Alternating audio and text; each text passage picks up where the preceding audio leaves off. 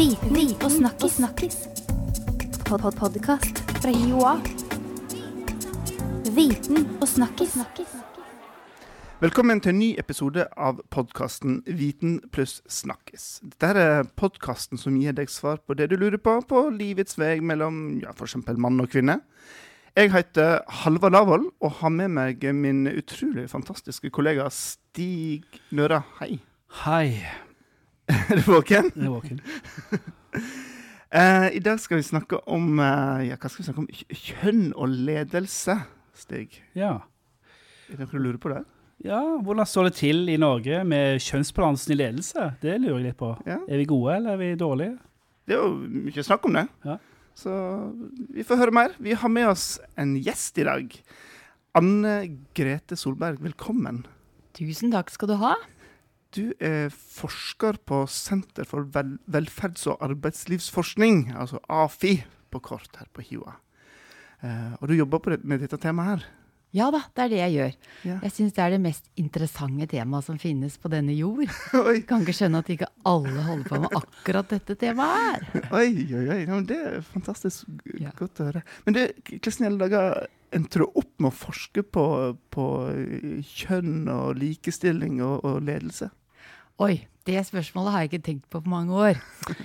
Um, vel, det var vel i um, helt i begynnelsen av 90-tallet, slutten av 80, hvor jeg satt i SV-kantina oppe på Blindern som sosiologistudent. Og synes vel at plutselig så så jeg verden med helt nye øyne, og synes jeg at virkelig hadde funnet sannhetene. Og du vet, i SV-kantina, der går diskusjonen, og det er jo nesten der vi lærer mest eh, enn å sitte inne på auditoriet og forelesningene. Og da begynte jeg vel å skjønne at dette med forskjeller mellom uh, ulike typer grupper, mellom kvinner og menn, det var virkelig noe å gripe fatt i. Og jeg så jo, begynte å se på strukturene rundt meg, og så at det her var jo liksom Kvinner befant seg på helt andre steder enn menn. Spesielt i eh, organisasjoner og som ledere osv. Så, videre. så da begynte det vel. Og så etterpå har det bare ballet på seg. Nå har det liksom det jeg har holdt på med i fryktelig mange år. Ja. Mm. Men siden den gang har det skjedd vanvittig mye på denne fronten, har det ikke? Har ikke blitt mye bedre balanse? Eller hvordan står det til? Altså, jeg vil ikke si akkurat vanvittig mye. Nei. Det vi ser, er at eh, tallene endrer seg sakte, men sikkert. eh, til bedre og bedre kjønnsbalanse. Og sånn som offentlig sektor eh, er jo best i klassen i eh, Norge. Mange eh, av de ulike typer direktorater og etater og kommuner har eh, kommet langt, langt på vei. Og de ligger jo hestehoder foran privat sektor. Eh, jo høyere oppover, spesielt du kommer i privat sektor, når du nærmer deg inn i toppledelsen, så blir det skrinnere og skrinnere med damer. Mm. Hva, hva skyldes det? Er det kun eh, regler og slike ting som påvirker, eller er det holdninger, eller hva? Hvordan kan man forklare den store forskjellen? Det har jo forskere prøvd å svare på i veldig mange år, da. Og noen eh, mener jo at eh, det er det berømte glasstaket. Ja.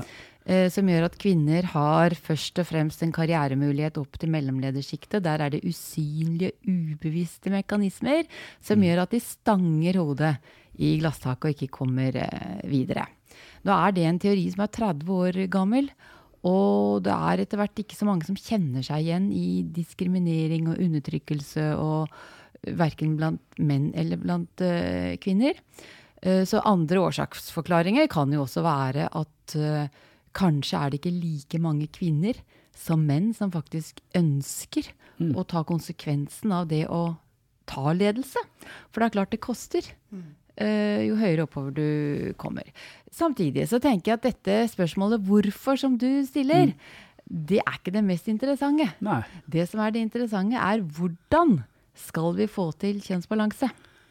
Men da tenker jeg et lite spørsmål. Hvis man skal få folk eller ledere til å ansette flere kvinner, eller flere kvinner i ledelse, da må man kanskje òg de skjønne hvorfor det er viktig, eller tenker du det eh, Altså Det jeg nå vet Jeg har akkurat avsluttet en uh, forskningsrapport som jeg har levert til NHO, som uh, viste veldig tydelig at de bedriftene som får det til, det er de som ikke bruker endeløse, lange diskusjoner på hvorfor skal vi ha kvinner her, hvorfor skal vi satse på kvinner, hva er det vi oppnår når vi får uh, kjønnsbalanse. Altså de stiller verken spørsmålet om hvorfor har vi ikke kjønnsbalanse, og de stiller heller ikke spørsmål hvorfor skal vi holde på med det. De bare gjør det. De bare gjør det. Ja. Just do it. Det Just er liksom uh, det viktigste prinsippet. Ja. Ja, for det, det tenker jeg at når noen sitter og skal tilsette personer i ulike roller, så får du inn en søknadsbunke med, med søkere, og så begynner de å blære gjennom. Og Da er det jo kvalifikasjonene en ser på først og fremst, eller skjer det noe ubevisst eller noe før det når det kommer til dette med kjønn?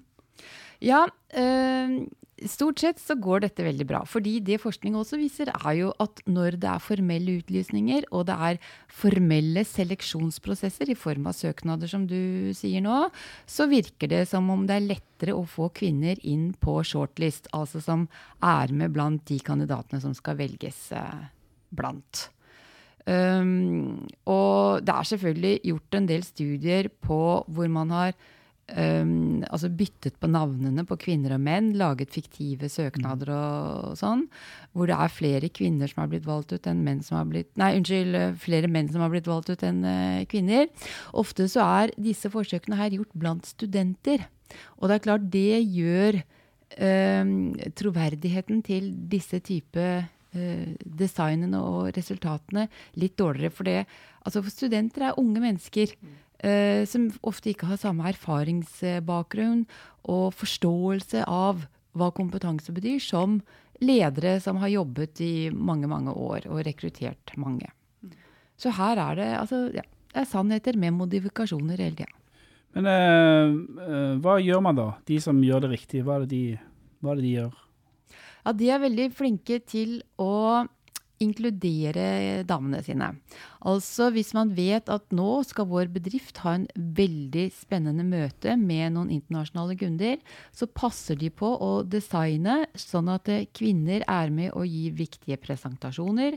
At kvinner får med seg den erfaringen. Skal det være middag om kvelden, så blir de satt ved siden av disse nøkkelpersonene. Eh, Det kan være at eh, noen benytter seg av det som vi kaller for dominoeffekten. Og det er hvis det f.eks. er en toppleder som skal være ute av jobben i en periode, permisjon eller andre ting, eh, så er det en kvinnelig mellomleder som erstatter denne topplederen. Og så er det en kvinnelig førstelinjeleder som erstatter mellomlederen. Eh, slik at det blir en sånn dominoeffekt oppover i systemet. Og det er klart på den måten så får kvinner ledererfaring. Og det er jo ledererfaring og kompetanse som fører deg inn i en lederstol. Det som også er morsomt, som eh, forskning viser, er jo at eh, jo flatere bedriftene er, jo færre nivåer det er i en bedrift, jo lettere er det å få til kjønnsbalanse. Ja. Og det viser seg også at Uh, jo større en ledergruppe er, jo flere som sitter i ledergruppa, jo lettere er det å få til kjønnsbalanse. ja. Hva skyldes det? Vet man det, eller?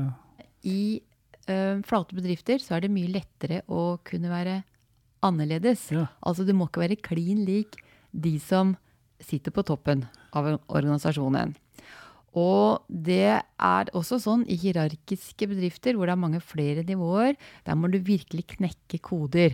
Der må du bli like de som allerede sitter på toppen. Og Altså- det gjelder like mye kvinner som menn. Okay. Som må knekke de kodene. Du du må tilpasse den mannlige lederstilen eller noe sånt? Det, kan det være en eh, Eller Ja, det er nok en Ja. av disse mytene. Ok. At man tror at jo høyere oppover du kommer, jo mer maskulinitet og mannlighet er det. Mm. Det er nok eh, gårsdagens eh, hva skal jeg si, kunnskap. Eh, nå ser vi mye mer at bedrifter som lykkes, har ledere som er androgyne. De kan spille både på femininitet og maskulinitet. Og maskulinitet har ikke det liksom, store hegemoniet som det hadde for, bare for eh, noen få tiår siden. Nå er det i mye større grad um, mange ulike typer ledelsesformer man kan spille på. Og jeg tenker det som også er interessant, er jo at når du ser på disse flate og dynamiske organisasjonsstrukturene, eh, så er det å være leder i disse organisasjonsstrukturene er veldig annerledes enn også hva vi tenker på det gamle, tradisjonelle hierarkiet. Ja. I en mer flat struktur som er flinke til å bruke teknologi, hvor kommunikasjonen er digital, hvor folk må ikke være på jobben hele tiden. Det er ikke det du blir målt på, for du kan sitte hele tiden som leder og sjekke hva medarbeiderne dine holder på med.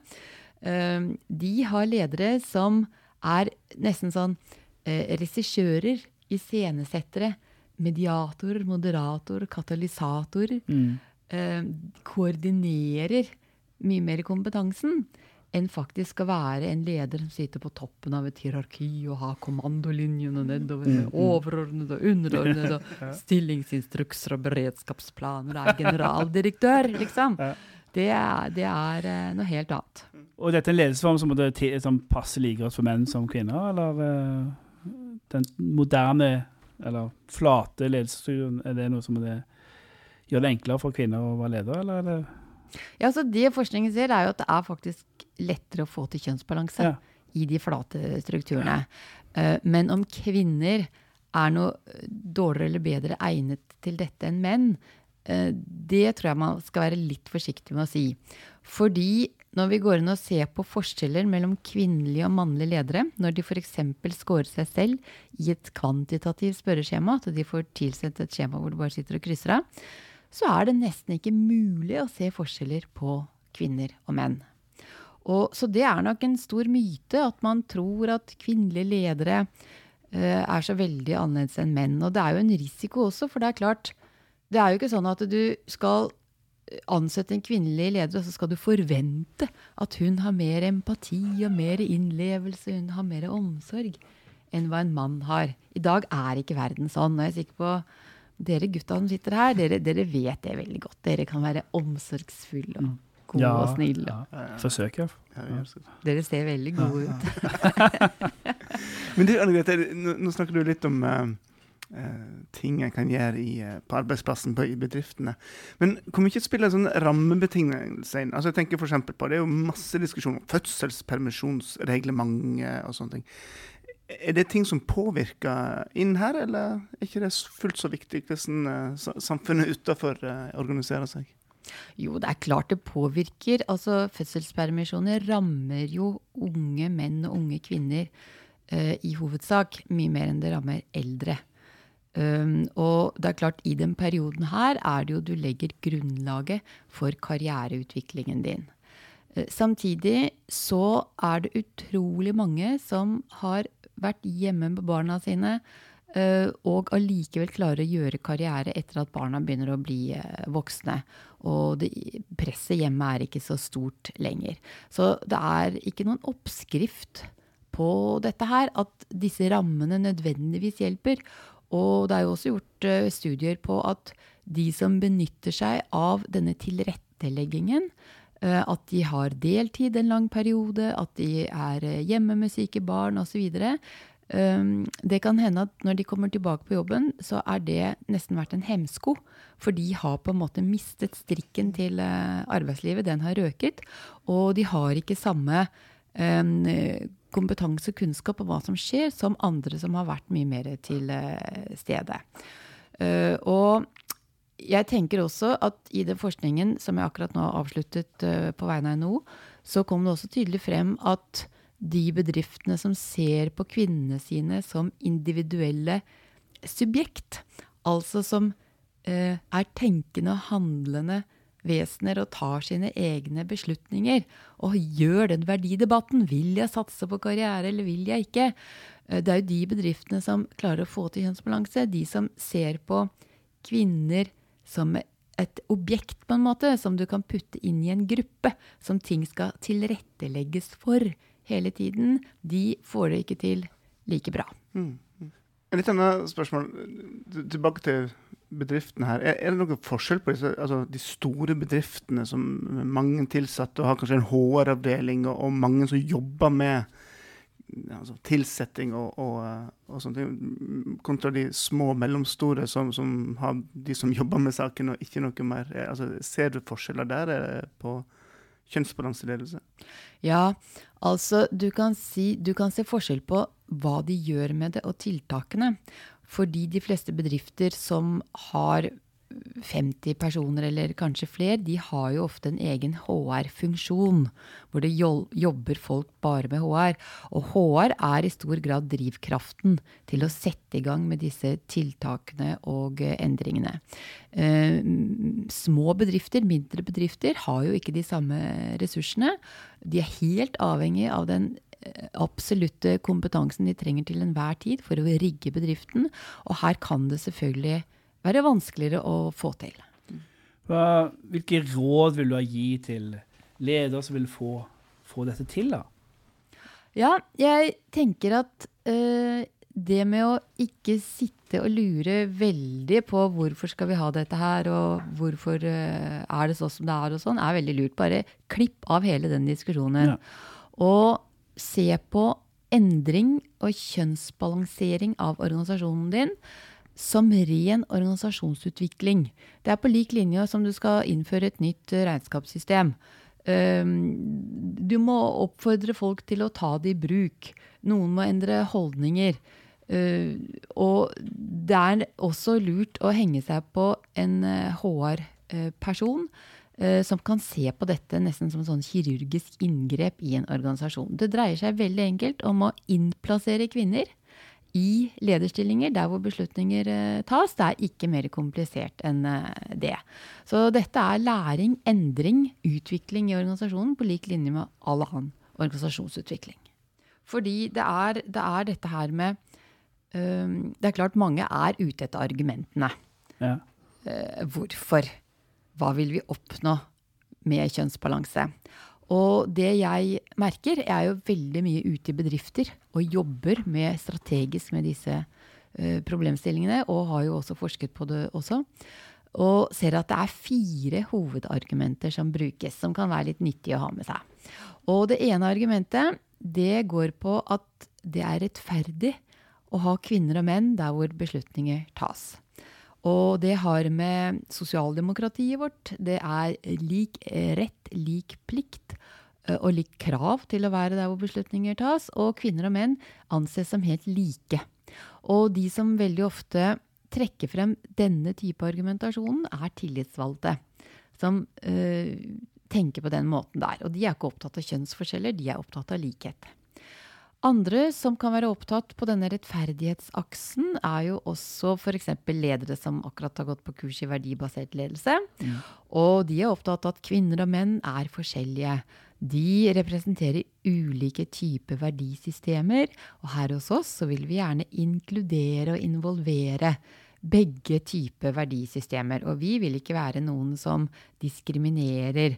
Vi er opptatt av uh, sosialt samfunnsansvar. Cor corporate social responsibility, som det heter på godt norsk. Um, og liksom tenker at det er veldig viktig. Mens andre igjen um, kan være opptatt av lønnsomhet.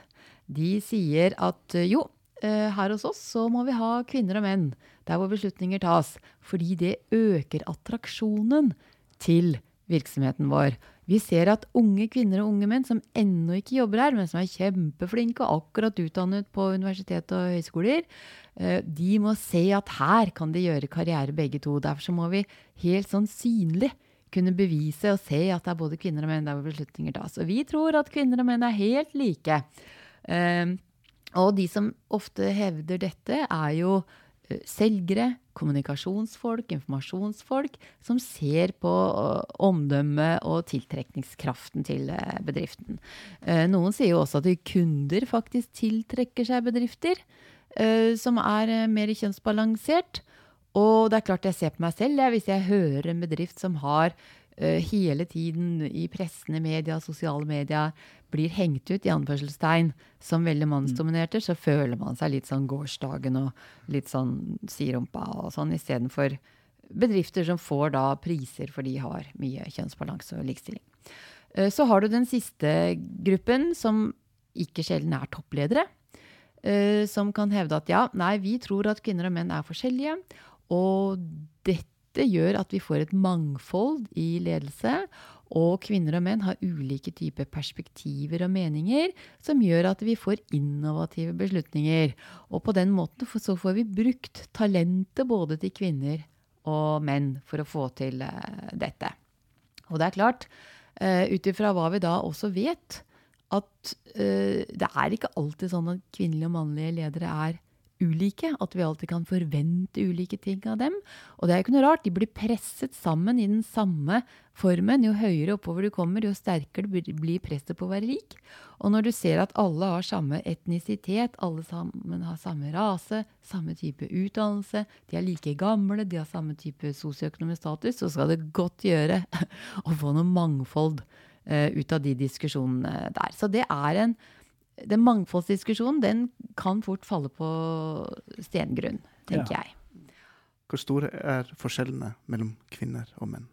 Uh, ofte så ser vi når vi går inn og måler forskjeller på kvinner og menn, at det er større forskjeller faktisk kvinner imellom mm. og menn imellom enn det er mellom kvinner og menn. Og det er klart, vi er forskjellige som uh, mennesker. Og det er kanskje i den retningen at vi ser mye av disse, denne kjønnskategoriseringen går også nå. Det er ikke så lett å putte folk i båser lenger som det det var eh, tidligere. Det du sier da, Vi skal, trenger ikke forholde oss til disse argumentene, vi bare kjører på. Vi skal ha flere kvinner i ledelse. Ferdig med det. Ferdig snakka. Okay. Ferdig snakka. Ja, ja. Um, Anne Grete, du er òg med på å tilby et, et, kurs, eller et emne her på Høgskolen i Oslo og Akershus, eh, som heter kjønn og ledelse eh, ti studiepoeng som skal begynne eh, høsten 2017. Eh, Hva slags eh, kurs er dette her? Ja, det er det mest spennende som finnes. Og også her kan Her kan du som leder, som HR-ansatt, eller jobbe i kommunikasjon, eller en som bare rett og slett har interesse for hvordan få til kjønnsbalanse, Eh, det er mange studenter tenker jeg også, som ønsker å ta dette her, eh, som virkelig kan eh, bli mye klokere på dette temaet. Og dette temaet er jo på mange måter prematurt. Altså det er i ferd med å, Fagområdet er i ferd med å bli sterkere og sterkere. Og det vi ser mye på, er jo ulike typer perspektiver på kjønnsforskjeller. Altså psykologer kan se på det på en annen måte enn antropologer, en filosofer, en økonomer osv. Og, uh, og samtidig vil vi også se litt på disse årsaksforklaringene, strukturelle årsaker. Vi vil snakke masse om glasstaket, og vi vil se om det er gyldig. Kan man fremdeles tenke at det er et glasstak? Eller er det andre årsaker som også gjør at man ikke har denne kjønnsbalansen?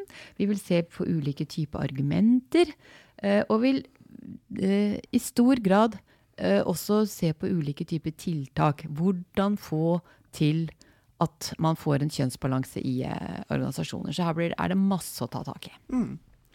Og der vil eh, studentene, eller deltakerne på kurset, møte deg, regner jeg med? Ja. ja. Og andre som eh, jobber med dette temaet i dag? Ja. Ehm, vi blir nok en gruppe som eh, jobber med det, men det er klart at eh, jeg drar eh, hovedlasset av dette. Ja. Vi vil også få inn ledere ute i næringslivet og ute i offentlig sektor i dag. For å kunne fortelle sine historier. Men helt kort, hvem bør ta dette kurset? Det er ledere, det er HR-ansvarlig, kommunikasjonsfolk og studenter med spesiell interesse for hvordan få til kjønnsbalanse i organisasjoner. Skal du søke, Stig? Jeg må nesten det nå. ja. Iha. Hjertelig velkommen. Du, skal vi se litt framover i tid? Hvordan uh, Sitter vi her og diskuterer dette her om uh, eh, 20 år? Eller er dette her blitt uh, normalt og alt er perfekt, og det er ikke et tema lenger? Dessverre tror jeg 20 år er altfor kort tid at vi skal slutte å diskutere det. For vi kan se litt bakover i historien også. Og det er klart, hvis det går med samme sneglefart som i dag, eh, så går det kanskje 50, 60, 70, 80, 90, 100 år før vi ser fullstendig eh, kjønnsbalanse og likestilling mellom kvinner og menn. Det var lenge. Det var det. Ja, det er det, men vi har god tid. Anne Grete Solberg, tusen takk for at du ville komme eh, i Viten og snakke-studio for å snakke om dette. her. Det er tydelig at du er veldig engasjert i temaet. Eh, og så må du si lykke til med, med studiet til, til høsten igjen. Tusen takk.